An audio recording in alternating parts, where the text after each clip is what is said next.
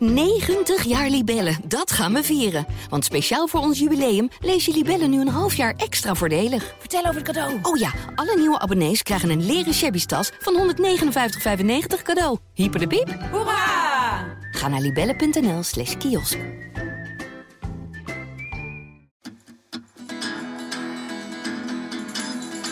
Welkom bij Culturele Bagage, de wekelijkse cultuur- en tijdsgeestpodcast van de Volkskrant. Mijn naam is Esma Linneman. Wat hebben de Bami-schijf, de spin Anansi en een brandijzer met elkaar gemeen? Ze reflecteren allemaal het koloniale verleden van Nederland. Hoe staat het met dat collectieve geheugen over deze vaak pijnlijke geschiedenis? En waar zijn we cultureel en politiek gezien een jaar nadat premier Rutte zijn excuses aanbood voor het slavernijverleden? Daarover ga ik het vandaag hebben met drie gasten. Aangeschoven is kunstredacteur Wieteke van Zijl. Hi, welkom. Uh, verslaggever Jan Sadat. Welkom. Hallo. En uh, dan hebben we ja, een hele bijzondere gast vandaag, vind ik. Uh, we zijn heel erg vereerd, want aangeschoven is ook journalist Noralie Beijer. Ja, Welkom. Ben ik, ja. Nou, um, ik begin even met jullie twee, of misschien met Wieteke. Um, want jullie zijn alle twee betrokken geweest bij uh, een boek wat hier ook op tafel ligt. Dat is een, eerst een serie geweest in de krant en nu gebundeld. Ons koloniaal verleden in 50 voorwerpen. Wieteke, jij bent daar heel erg bij betrokken geweest. Vertel mij, hoe is dit boek tot stand gekomen? Uh, ja, uh, het begon eigenlijk bij de kanon van Nederlandse geschiedenis die in 2007 is gemaakt. Ja. Dat is een soort lijst van alles wat iedereen zou moeten weten over de geschiedenis. Maar goed, dat is een keuze. En daar kwam natuurlijk al best wel snel commentaar op van. Daar ontbrak van alles in. Dat is, uh, dus daar zijn reacties op geweest. En de Volkskrant had daar eerder al wat mee gedaan. Uh, met dingen die zouden ontbreken in die lijst van wat iedereen zou moeten weten. Ja. Um, twee jaar geleden ging mijn collega Tjer Kwaltiri van Wezel, dacht, nu er steeds meer ruimte komt om het koloniale verleden echt bespreekbaar te maken vanuit meerdere perspectieven. En ook de kennis soms gewoon er niet genoeg lijkt te zijn over ons uh, gedeelde verleden. Misschien is het wel een goed idee om de kanon aan te vullen met een nieuwe kanon uh, van ons koloniale verleden. Ja. En toen ontstond het, het idee om dat in voorwerpen te doen. En dat vind ik een heel mooie gedachte, omdat heel veel van de geschiedenis van uh, mensen die geen stem hadden of eigenlijk geen uh, macht konden hebben in de gebieden die Nederland heeft toegeëigend, niet is opgeschreven. Ja. Dus voorwerpen kunnen heel veelzeggend zijn om die geschiedenis toch over te brengen. En zo ja. hebben we een commissie gevormd. Dus omdat wij de kennis maar heel deels in huis hebben. Dus we willen natuurlijk wel de grootste experts op dit gebied de onderwerpen laten kiezen. Ja. Dus toen is er een commissie van experts samengesteld. Elf mensen onder leiding van Valika Smulders, hoofdgeschiedenis van het Rijksmuseum. En Wayne Modest, hoofdcollecties van het Wereldmuseum. En toen is echt wel de, nou ja, de fine fleur van mensen die er verstand van hebben, hebben we gevraagd om die 50 hoofdstukken te schrijven. Ja, en zo kwam, zo kwam jij ook uit, of de commissie ook uit bij jou, Noralie. Ja. Uh, wanneer was dat? En... Ja, dat weet ik. Het zal ook wel iets van anderhalf jaar geleden zijn geweest, denk ja. ik. En hoe ging dat? Wist je meteen ook welk onderwerp je wilde uit? Mm, nou, ze hadden mij gekozen, denk ik, uh, om iets met onderwijs te doen. Dat Ja. was al bepaald, denk ik, hè? die Ja. uh, indeling en die thema's en zo. Ja. En daar zijn ze dus mensen bij gaan zoeken. En dat ze bij mij kwamen om iets over het onderwijs te doen. Ja, ik voelde me natuurlijk heel erg vereerd om te beginnen natuurlijk. Wij maar ook. dat kwa- kwam ook omdat ik, dat ze wisten, denk ik, dat ik ooit in het onderwijs heb gezeten. Ja, Ik ben begonnen als uh, kweekschooljuf, of de week- kweekschool heette dat, dat deed nou Pabo. Dus en ik heb altijd wel heel veel affiniteit gehouden met kinderen en met educatie en zo. Dus ja, uh, ik denk dat ik daarom direct ja heb gezegd. Van Ja. leuk. ja. Nou, en daar is een stuk uit voortgekomen wat nu ook dus in dat boek gebundeld is. Daar ga ik het zo over hebben.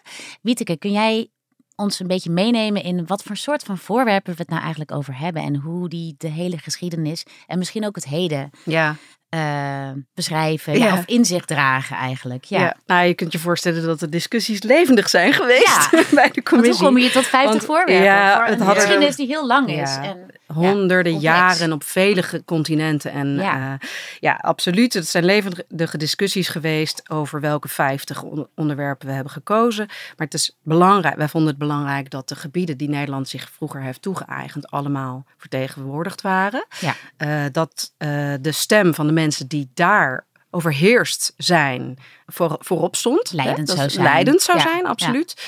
En wat ik bijzonder vond, is dat eh, Wayne Modest ook nadruk legde op het feit...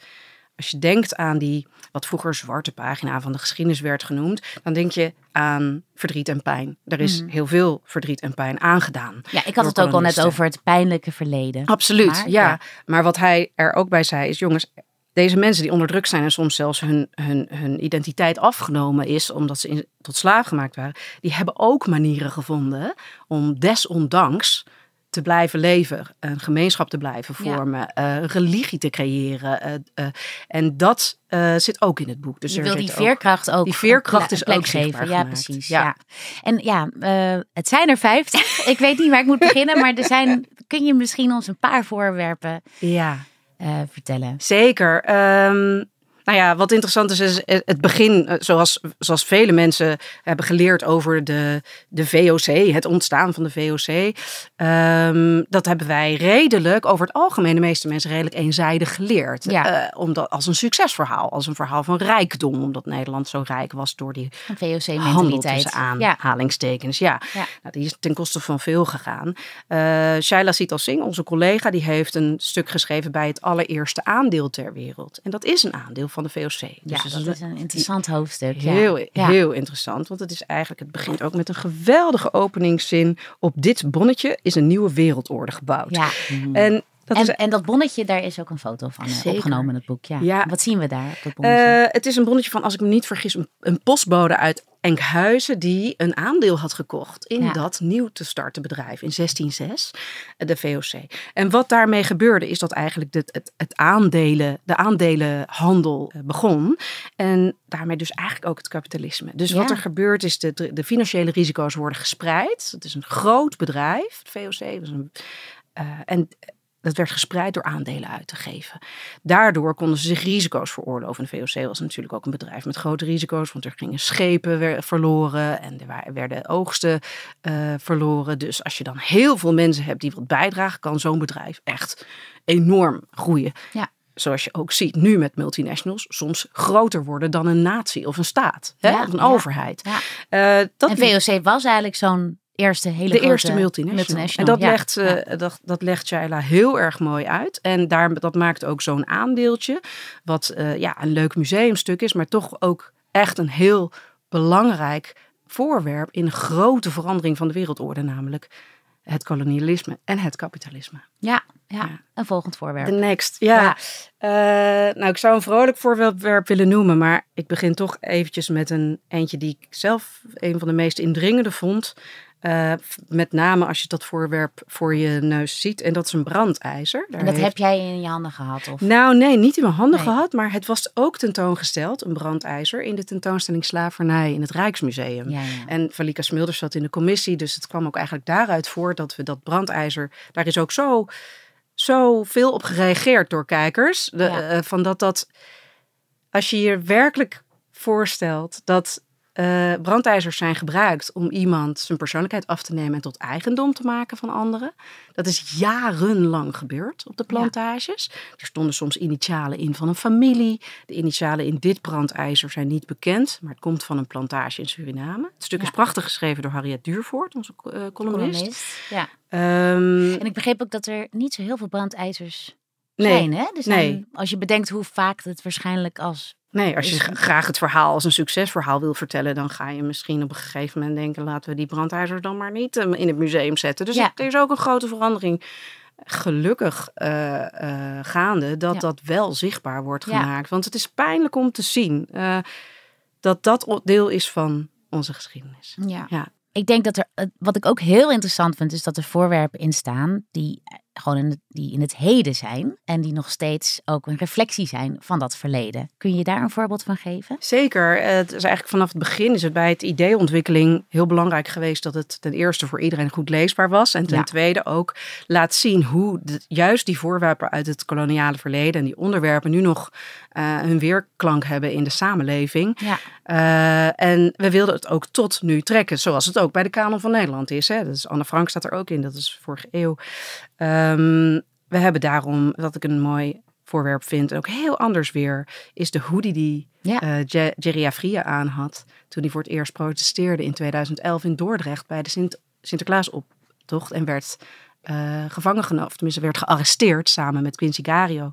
Ja. Het is een heel simpel t-shirt met een hele simpele boodschap die op dat moment absoluut eh, niet aankwam of niet ge- Getolereerd gewaardeerd werd, en ja. getolereerd. Ook niet Ja. door de politie zelf, Nee. die echt indringende vragen stelde van ben je wel in Nederland geboren en wat vind je van eh, vind je het dan niet belangrijke traditie Zwarte Piet? En dat heeft iets in gang gezet wat uiteindelijk ook gelukkig niet meer is gestopt, Eh, waardoor het bewustzijn over het feit dat Zwarte Piet een racistisch stereotype is bij veel veel meer mensen is doorgedrongen en nu ook omarmd wordt. Ja. We zijn er nog niet helemaal, maar we zijn wel echt heel ver sinds deze twee mensen eh, als pionieractivist dit eh, hun nek hebben uitgestoken.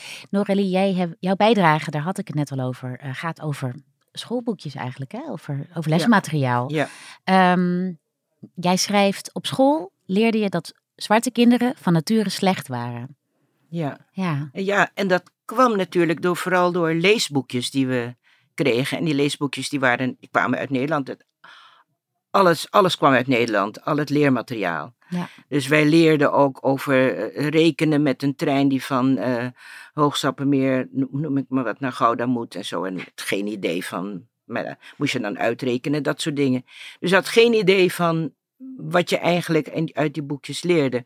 Maar ik, ik ben ermee opgegroeid. ja, En ook met eh, gedichtjes van Annie M. G. Schmid, die ik mocht voordragen. Dat vond ik geweldig. Over de spin Sebastiaan bijvoorbeeld. Dat vond ik echt hartstikke leuk. Maar dat die spin het ook koud zou hebben, daar had ik dus geen idee van. Maar daar las je dan wel weer overheen, weet Ja, je. ja, maar dat hij dood ging uiteindelijk, van oh, oh, hij, is, eh, hij wordt opgeveegd, wat jammer.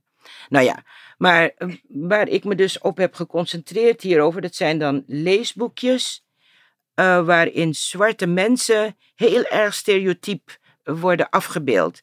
Wij hadden geen idee, want ik heb deze boekjes ook tot mij genomen, zeg maar. Ja. Van Sjors en Simmy, die zijn nog veel erger dan Oki en Doki, die dus hier in dit boek zijn opgenomen. En Jimmy was echt de domme, domme jongen, hè, met de grote oorbel en eh, nog iets door zijn neus. En die schokt maar achter die Sjors aan die alles weet. Hij praat krom. ja. Nou, het zijn dingen dom, waar, ja. waar ik als kind dan, en met mij ook wel anderen, wij lachten daarom. Wij vonden dat ook idioot, want zo kenden wij dat niet. Maar god beter, toen ik hier in Nederland kwam, dat men mij aanzag voor een Jimmy, zeg maar. Ja. En dus dat vond ik wel heel raar, ook voor een missiekind. Was dat besef dus ook, kwam dat dus heftiger binnen eigenlijk toen je in Nederland was? Toen ik in? Nederland Ja, was, ja, ja. toen kreeg ik in de gaten van, hé, hey, ehm, ze zien mij aan voor een missiekind en willen mij aanraken en zo. Ik denk, een missiekind. eh, ik heb zelf altijd op Curaçao, want daar ben ik, groot ge- eh, ben ik geboren en grootgebracht, dat ik daar geld in de, missie, in de pot deed voor, een, eh, voor de missiekinderen. En dat je dan ook zo'n potje had, inderdaad, zo'n zwart potje. Eh, een potje met een zwarte kop. En die knikte heel braaf als je dus daar een, eh, een maar- munt in deed. En voor de luisteraars die dat niet weten, wat zijn missiekinderen? Missiekinderen, eh, de, eh, de missie weet iedereen wel wat Ja. het is. Dat zijn dan eh geestelijken die eh, de derde wereld, de Zieltjes ontwikkelings... komen winnen eigenlijk. Zieltjes kwamen Ja. winnen in de derde wereld en onder de heidenen die ze dan tot het geloof wilden bekeren. En die mensen hebben, ja, ze hebben veel goed gedaan, maar ze hebben ook heel veel kwaad gedaan natuurlijk. Het hele brainstorm van die mensen die al eigenlijk hun eigen geloof hadden. Ja. Het was het geloof wat ze uit Afrika hadden, het geloof in, in de natuur om zich heen. Daar werd een ander geloof opgezet. Ter te- met straf als je dan je eigen geloof zou aanhangen. Ja. Dus dat was ook heel erg dubbel en heel erg verkeerd. Dus missiekinderen, dat waren kinderen in Afrika en in onontwikkelde, wat onontwikkeld werd genoemd. Gebieden die gekoloniseerd waren door West-Europese landen, zoals Suriname, zoals het Caribisch gebied. Ja. En ik denk ook zoals in Indonesië, hoewel ik daar nooit echt die, die, die missies zo heb, heb zien bloeien. Maar daar, daar kan ik me in vergissen. Ik heb het dus echt wel meegemaakt in het Caribisch gebied. Ja, Dus eh, dat waren missiekinderen. Die waren arm, die waren zielig. eh, die moesten tot ontwikkeling worden gebracht. En daar moest je veel geld voor. Daar was geld voor nodig. ja, ik snap het.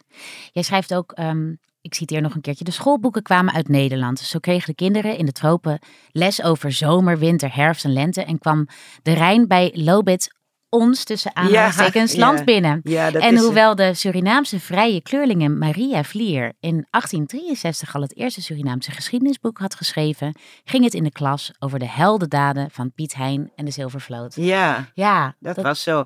Wij leerden eigenlijk niks over het eigen land, zelfs niet over de natuur. Nee. En eh, ik kan me herinneren dat ik dan op Curaçao als kind mocht, gingen wij wel eens wandelen. En dan kwam je terug en dan moest je iets tekenen.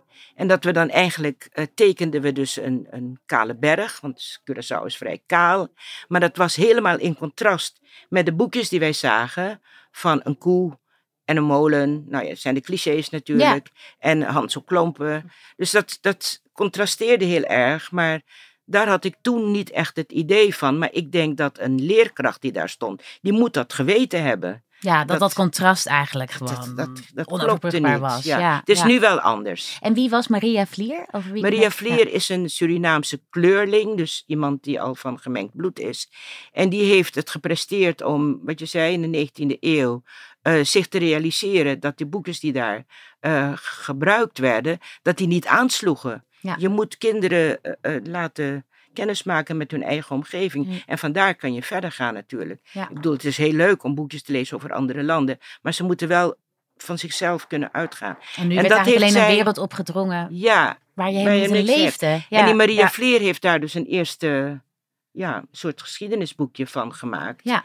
En dat was heel bijzonder dat dat toen kon eigenlijk, en dat ze dat gedaan heeft. Maar het is dus al lang weggeveegd. Ja, want zo. ik wilde net zeggen, wat waren de reacties daarop ja, dan? ja, dat, het werd niet, dat is natuurlijk dat werd eh, niet eh, gevaarlijk voor het status quo als iemand zo'n geschiedenisboek schrijft. Ja, of gevaarlijk is dat, Ja. weet ik niet. Dat heb ik niet gelezen. Nee, maar het wordt gevaar, maar- ervaren. Ja, Maar het was niet, eh, het, het was revolutionair dat ze dat deed. ja, ja. Net zoals Anton de Kom enkele jaren later het gepresteerd heeft om de geschiedenis te gaan herschrijven. Want de geschiedenis die Surinamers kregen voorgeschoteld, daar, dat ging niet over hun. Dat ging inderdaad over Jan Pieterszoon Koen en de Zilvervloot, Piet Hein en dat soort verhalen. ja, ja, Maar hij heeft het dus als eerste echt gewaagd om de geschiedenis te beschrijven vanuit een Surinaams perspectief. ja. En dat was in zijn tijd ook heel revolutionair. Ja, jij eindigt volgens mij jouw stuk met een prachtige zinnen, namelijk in deze eeuw kwam langzaam de verandering. De Rijn stroomt nog steeds bij het land binnen, maar niet meer in de schoolboeken.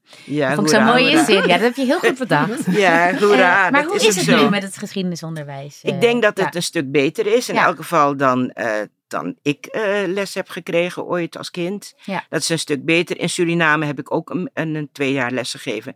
En daar was het nog niet helemaal veranderd. Het was wel al een eigen aardrijkskundeboek. Geschiedenisboek, dat was er nog niet. Dus ik kan me herinneren dat ik heel veel eigen werk deed met die kinderen. Ja, ja, En ze zelf op pad stuurde. Want ja, Suriname is dus echt heel multiculti. Maar dat ze eigenlijk niet wisten wie de buren waren. Dus ik stuurde ze gewoon naar buiten. En vraag aan je buurman of eh, die Hindustanen. hoe zeg je hallo en hoe gaat het, weet je. ja, ja, en dan kwamen ze terug met dat soort verhalen. Maar dat vond ik dus leuk. Maar je moest zelf dus wel creatief zijn om dat te doen. Dat is nu veel en veel beter. Soms, ja, ik, toen ik jullie boek las, ehm, dacht ik van ja, dit zou eigenlijk gewoon lesmateriaal moeten worden. Eh, dit eh, koloniale verleden in 50 voorwerpen. Hoe staan jullie daar nou, zelf sterker in? nog, dat was natuurlijk wel onze geheime agenda Aha, ook. Eh, ja. toen, eh, toen we begonnen met het project, vonden we het allemaal unaniem heel belangrijk dat iedereen die zou willen er kennis van kon nemen. Ja. En eh, hoewel er eh, veel op eh, universiteiten onderzoek wordt gedaan, is toch de brede kennis over dit koloniaal verleden eh, niet zo groot als we zouden willen. Ja. Dus wij hebben erop gelet met elkaar, met alle schrijvers, dat elk stuk dat geschreven werd zo goed leesbaar en geschreven was, dat het echt, ja, onze ambitie was wel dat echt middelbare school, scholieren het prima kunnen lezen. Ja. En eh, dat hoop ik heel erg ook. En wat ik heel fijn vond, is dat eh, Robert Dijkgra- Dijkgraaf, demissionair minister, die heeft het boek gepresenteerd in het Rijksmuseum in oktober. En eh, hij beval het ook heel erg aan. Dus Ja. hij, hij heeft het ook heel warm aanbevolen om in het onderwijs te gebruiken. Nou, eh, weet ik niet precies hoe dat zit met lespakketten. Maar ik hoop natuurlijk wel dat veel geschiedenisleraren het willen oppikken. Ja. En, eh, en misschien ja, op, verschillende, op verschillende opleidingen. Aangeschoven is ook Jante. Ehm, aan jou, jij hebt ook een bijdrage geleverd aan deze serie en aan dit boek. Ja. Wat zou in jouw visie nou de maatschappelijke winst zijn als er een diepere bewustwording komt, uh, ook in het onderwijs, van, uh, van, van ons gedeelde verleden in de koloniën? Nou, ik, ik moet nu denken aan uh, van de week was Noralie bij uh, Galit en Sofie te gast. En daar hadden ze een, klein, een, een kleine reportage van de, de theaterversie van de podcast De Plantage van onze voorouders. En daar kwamen twee scholieren. De, was, ze gingen aan iedereen vragen, waarom bent u hier? En na afloop vragen, wat heeft u geleerd? Ja. En er waren scholieren die waren door een juf meegesleept, uh, hun lerares meegesleept daar naartoe. Dus die kwamen niet per se vrijwillig. Maar het was heel grappig. Er was één, twee jongens die naast elkaar stonden, waarvan de een, ik denk het, maar ik weet het niet precies, vermoedelijk Surinaamse uh, komaf. En de ander, zeg maar, een witte blonde jongen met blauwe ogen, die zei: Ik heb echt geen idee waar ik naar ga kijken. Ja. En naderhand was, waren ze beide enthousiast en was vooral uh, die ene jongen zei tegen uh, zijn vriend: ik, ik weet zoveel meer dan ik ooit heb geweten.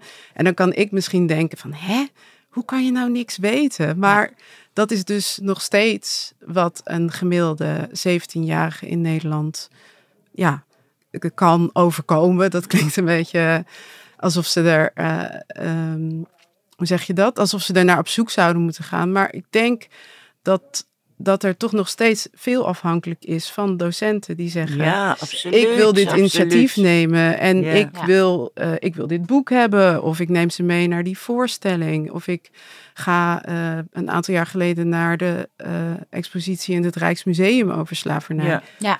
Alleen al het simpele feit dat de kaneel op je appeltaart en de koffie die je drinkt en de thee die je drinkt en de suiker die je erin doet, dat dat allemaal verbonden is aan ons koloniale verleden. En de Bami-schijf die eh, tegen Ja. Die staat beter weten in, toch weer bij de Smullers. eh, Ja, en uit dat is het- ook wel ja. het leuke van het boek. Hè? Ja. Dus dat is niet alleen eh, die, die voorwerpen van 400 jaar geleden resoneren, maar er staat inderdaad ook die hoodie van Zwarte Piet, maar ook de Bami-schijf, die dus eigenlijk de ultieme verhollandsing van de Aziatische keuken is. Want we hebben een klietjescultuur en we gooien alles in de frituur. En oh ja, de Bami die is gemaakt, die kunnen we ook nog wel.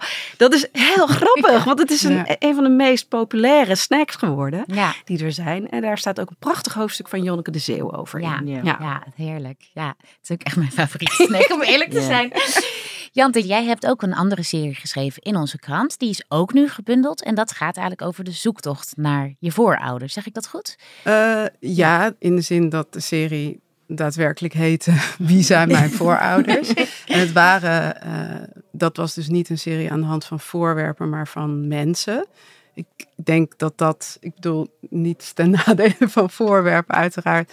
Maar ik denk uiteindelijk hoe je mensen eh, meetrekt een verhaal in of een werkelijkheid in die ze niet willen zien, is door het persoonlijk te maken. Ja. En ehm, die serie gaat dus eigenlijk, het gaat om zoeken naar wie was mijn eh, voormoeder die in eh, slavernij in, op die en die plantage in Suriname heeft geleefd.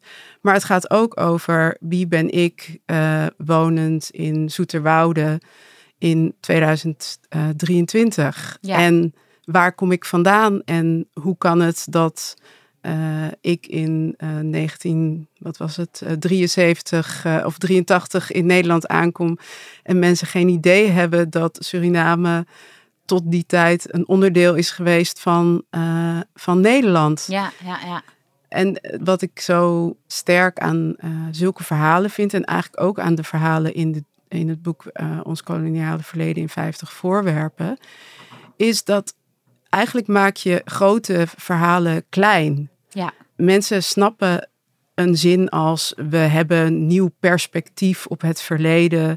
Of eh, we moeten onze blik kantelen. Ja, of we hebben een ander discours nodig. Ja, dat zegt niets. Nee. Terwijl als je kinderen laat kijken naar een voorstelling over de spin Anansi en je legt uit dat het ook ging over verzet tegen de machthebber, een kind snapt het meteen. Ja, en ja. ik denk uiteindelijk, op het moment dat je dat weet te maken tot iets wat van ons allemaal is, Ja. weet je, en dat is ik, nog één ding waar ik aan moet denken, ook weer uit Galit en Sophie. Toen zei Valika Smulders, die ook aanwezig was, zei heel grappig, ja, wat ook winst is, is dat nu eh, premier Rutte gewoon even de namen Tula, Boni en Jolicoeur kan oplepelen. Ja. Dat had hij een jaar geleden ook niet gekund. En dat zijn eigenlijk een soort verzetshelden. Dat toch? zijn verzetshelden Ja. en dat zouden onze verzetshelden moeten moeten zijn. zijn. Ja, en Ja. Tula heeft dit jaar ook eh, re- Dus een officiële erkenning ja, Ja, hij heeft ja. eerst. Maar diezelfde Mark Rutte die zei voorafgaand aan de draai die hij uiteindelijk maakte en de excuses die Ja. er kwamen, zei hij over die excuses van ja, dit is zo lang geleden. Ja, Eh, en toen was het eh Savannah Simons in de Kamer die eigenlijk zei, nou het is helemaal niet lang geleden. Dit leeft in mijn familie. ja. Heb jij ook dat soort verhalen opgetekend van mensen bij wie dit eigenlijk heel erg levendig is? Nou ja, deze? precies Ja. dat. Ik Ja. denk dat, eh, dat het heel knap is wat zij deed door te zeggen mijn oma en Ja. dan een verhaal vertellen. Omdat iedereen heeft een oma. Van de meeste mensen onder de 35 leeft de oma nog. Ja. Dus dat wordt tastbaar. Ja. En als je vertelt dat eh, eh, in, het, in het boek en in die verhalen heb ik ook steeds mijn eigen vader als soort van ankerpunt gebruikt. Die is opgegroeid in de jaren 40 en 50 in Suriname. Die is, eh, zeg maar, wat Anton de Kon zo mooi beschreef, helemaal koloniaal geïndoctrineerd grootgebracht met het idee. je huidskleur, je donkere huidskleur is niet goed. Of hij zegt in ieder geval veel over je intelligentie en je vermogens. Ja. En er is eigenlijk maar één ding waar je naar moet streven. En dat is zo Hollands mogelijk te zijn. En die mensen hebben allemaal kinderen en kleinkinderen gekregen. En wij samen zijn Nederland. Ja. Natuurlijk doet dat iets met je. En want dat, die, die koppeling van toen naar nu is denk ik wel waar het kwartje moet vallen, zeg Ja. maar. Omdat niet iedereen is geïnteresseerd in geschiedenis. Zo, zo cru is het helaas. Maar wat dit boek laat zien en wat jullie me ook vertellen, is dat die geschiedenis gewoon heel erg doorleeft in het Ja. heden. Ja, Ja. het gaat gaat om het die doorwerking ook. Ja. Ja. Waar Rutte het over had met die excuses. Met die excuses ben je er natuurlijk niet. Daarom had hij het over de komma. Mhm. Maar wat betekent die komma? Dat is dus dat je, je gaat bedenken van hoe zat het en hoe werkt dat door? En waarom is die zo en waarom is die zo? Waarom weet ik dat niet? Ja. Al dat soort verhalen die je elkaar moet vertellen. En daar zijn objecten natuurlijk heel mooi bij, want die kun je, dat is tastbaar, dat kun je laten zien eh, op een plaatje of in het museum. Zo'n halsband die dan die slaafgemaakte omkregen. Weet je, Staat dat ook in het dan- boek, hè? Ja. Staat Ja. ook in het boek, dat vind ik hartstikke mooi. Ja. Ik werd eerst nog als een hondenband gezien, Ja. maar nee, Ja. het was gewoon een, een, een band. Mensenband. Een mensenband Ja. om aan te geven dat dat jouw bezit is en dat die dus minder is dan jou. Maar het was wel tegelijkertijd het pronkstuk van je. Dus daarom kreeg Nou ja, in elk geval, dat soort dingen zijn heel erg complex maakt eigenlijk. Dat je en wil pronken en wil ja, laten zien. ja, want als je zo'n zwart kind in, in je huis had, die weliswaar alle bedienderswerk moest doen, maar dat was wel in die tijd een statusding, een Ja, statussymbool. Ja, ja, precies. Er is ook wel een, een enigszins begrijpelijke kant dat er minder eh, kennis was over de geschiedenis. Want veel mensen, bijvoorbeeld die vanuit Indonesië naar Nederland zijn gekomen, die vonden het niet fijn om daar nog verder over te praten. Klopt. En die gaven het niet aan hun. Eh, Niet, helemaal, niet het hele Klopt. verhaal aan hun kinderen mee. Ook omdat het vernederend Klopt. was. Dat, Ja. dat is heel begrijpelijk. Ja. En dat vond ik zo mooi. En uh, dichter Amara van der Els, die had een prachtig gedicht gemaakt over... wij zijn nu de bagage aan het uitpakken. Ja, Want als je bagage ja. niet uitpakt, dan wordt het zwaarder. Ja, En dat vond ik ja. zo prachtig, dat nieuwe generaties daar dus nieuwe interesse in tonen. En Ja. ja, voor die generaties bij uitstek is ook, Ja, ook dit boek gemaakt. Van, Ja. ja. Als je wat iets meer weet, dan kan je dat meenemen en in hoe je nu naar Nederland kijkt en hoe we met elkaar een Ja. land vormen. Ja, Ja. nu eh, is het dus eh, ja, een jaar geleden sinds deze excuses eh, van, van, van Rutte. Hoe staan we er nu eigenlijk voor, eh, politiek en cultureel? eh? nee, hoe, hoe, staan we er, hoe staan we er nu voor? Ja, fijn dat je Ja. de vraag zo klein en overzichtelijk houdt. ik, eh, nou, Want ik put heel veel hoop uit zo'n boek. Ik put hoop uit zo'n succes als eh, de plantage van onze voorouders. Ik heb Ja. het idee dat er een gesprek gaande is. Tegelijkertijd hebben we natuurlijk ook een nieuwe politieke ja, werkelijkheid, constellatie. eh, met een, bijvoorbeeld een partij als de PVV die wil dat die excuses worden teruggedraaid. ja. Jij je daar zorgen over? Hoe kijk je daarnaar? Nou, ik, ik moet zeggen dat ik ging enigszins bezorgd ging ik spreken met eh Valika Smulders, ook over dit thema. En zij is natuurlijk geen politicus, maar eh, eh, ja, zeg maar, ze kijkt naar het verleden. Ze is geen historicus, maar erfgoeddeskundige.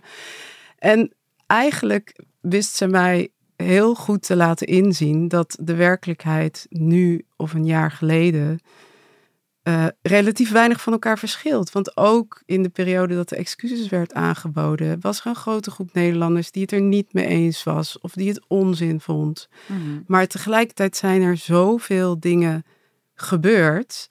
Er zijn dingen in gang gezet. Er is een beweging gaande die je helemaal niet meer terug kan draaien. Nee. Wat er de afgelopen twintig jaar alleen al in de academische wereld over zeg maar, historisch onderzoek naar eh 300, 400 jaar koloniale geschiedenis is gedaan, is gewoon, dat is er. Het zijn boekenkasten vol. Ja.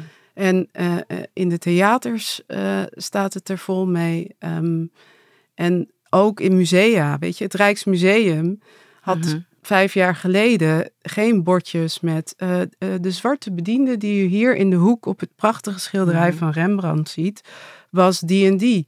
Eh, eigenlijk was het een slaafgemaakte Mhm. jongen uit eh, Suriname meegenomen door zijn rijke eigenaar. Ja. En dat is winst die je niet meer terug kan draaien. Daar kan echt geen PVV-verkiezingsuitslag iets aan te niet doen, denk nee, ik. Nee. Ja, nou, dat is wel een hele bemoedigende gedachte, denk ik. eh. Ja. ja, denk ja. dat je die ontwikkeling ook niet echt kunt stuiten meer. Nee. Als ik inderdaad kijk naar 20 of 30 jaar geleden. Want toen werd er al wel gepraat of geageerd tegen Zwarte Piet. maar Ja, het werd precies. ja, ik Dan, het werd dat dan een beetje weggemoffeld en ja, zo. dat want- verzet was natuurlijk al veel langer. Ja, Ja, dat is al 2011 langer. is maar dan opeens is het momentum daar Ja. en dan barst het los. Ja. Ja. En dat kan je inderdaad volgens mij niet, niet terugdraaien. Dus ik denk ook de beweging die je nu ziet van mensen die de PVV aanhangen en die eigenlijk dat allemaal niet willen dat wij, ik zeg maar wij, eh, met een donkere huidskleur hier zijn.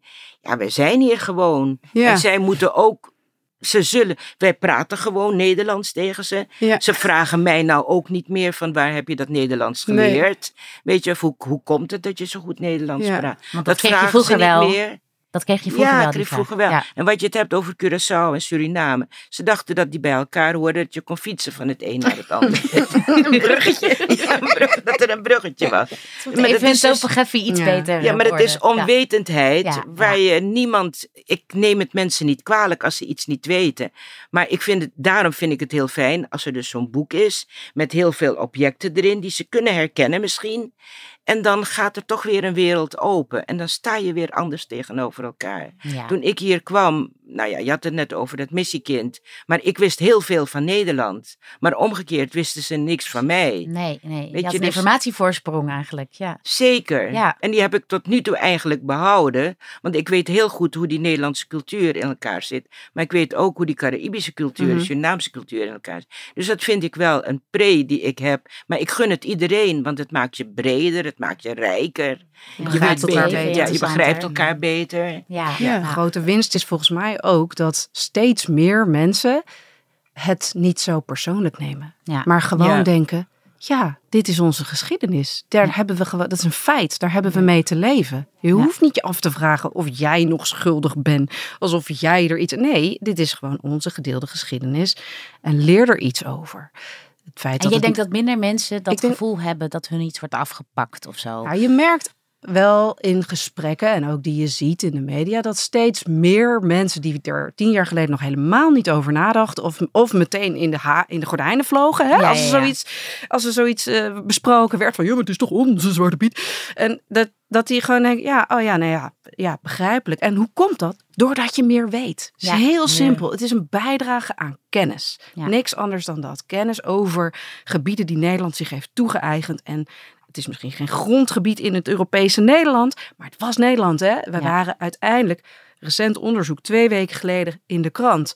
eh, een grote, grote Britse denktank stond op de voorpagina's dat als je de Nederlandse koloniale gebieden rekent bij Nederland, dan is Nederland een van de allergrootste klimaatvervuilers ter wereld geweest. Ja. Want we hebben daar de natuur verwoest eh, met die multinationals van ons. Dus dat is heel actueel en, en heel belangrijk om daar Ja. kennis van te nemen. Ja, ja, ja. En daar nemen nu dus steeds meer mensen kennis Ja. van. Nou, dat is Ja, maar- heel erg hoopgevend. Ja, maar het is ook Ja. eens wat, wat je net zei van. ik- Als ik vroeger thuis vroeg in mijn familie, wat, wat weten jullie nog van de slavernij? Hè? Daar praten we niet over. Nee, precies. Oh, Wees ja. blij Ja. dat, je, Nou ja, en dat, dat we er zo zijn. Wees blij dat je goed haar hebt. Ja, Kijk Terwijl ik, Ja. ik vond kroeshaar altijd geweldig. ja, Weet je, als een kindje voor mij zat, wilde ik er altijd aankomen. Dat mocht niet. Maar dus het is ons ook niet doorgegeven, omdat Nee. vanuit het koloniale verleden werd er altijd op neergezien. Ja. Dus toen, zeg maar, die kleurlingen, waarvan ik dan afstam en jij waarschijnlijk ook, eh, toen die, zeg maar, in de wereld gingen staan, wilden ze ook niks meer weten van. Dat is wel gewoon een overlevingsstrategie, denk Ook. ik ook. Ja. Ook, ja. Nou ja, en dat is natuurlijk dan weer die latere generatie die ja, vanuit misschien enige vormen van luxe en, eh, en welvaart Veiligheid. en veiligheid wel Ja. die ruimte inneemt. En ik denk toch ook, eh, omdat je toch wel die excuses noemde, kan het ook wel helemaal wegwimpelen als iets irrelevants, maar dat was het niet. Want het is ook een manier van zeggen, eh, ik erken jouw bestaan als onderdeel van het mijne. Ja. het het Ja, ja. verbindt eigenlijk dat eh, wat werd gezien als de ander, die ander die wel de hele tijd zich identificeerde met jou, Mhm. dat is natuurlijk het allerpijnlijkste element. Ja. Je verbindt het met elkaar. Je zegt we horen bij elkaar. Nou, dank jullie wel voor jullie komst naar de studio. Dit was Culturele Bagage. Montage wordt gedaan door Team Hageman en eindredactie door Corine van Duin, Emily van Kinschot en Julia van Alen. En wil je de Volkskrant steunen? Ga dan voor een abonnement naar www.volkskrant.nl slash podcastactie.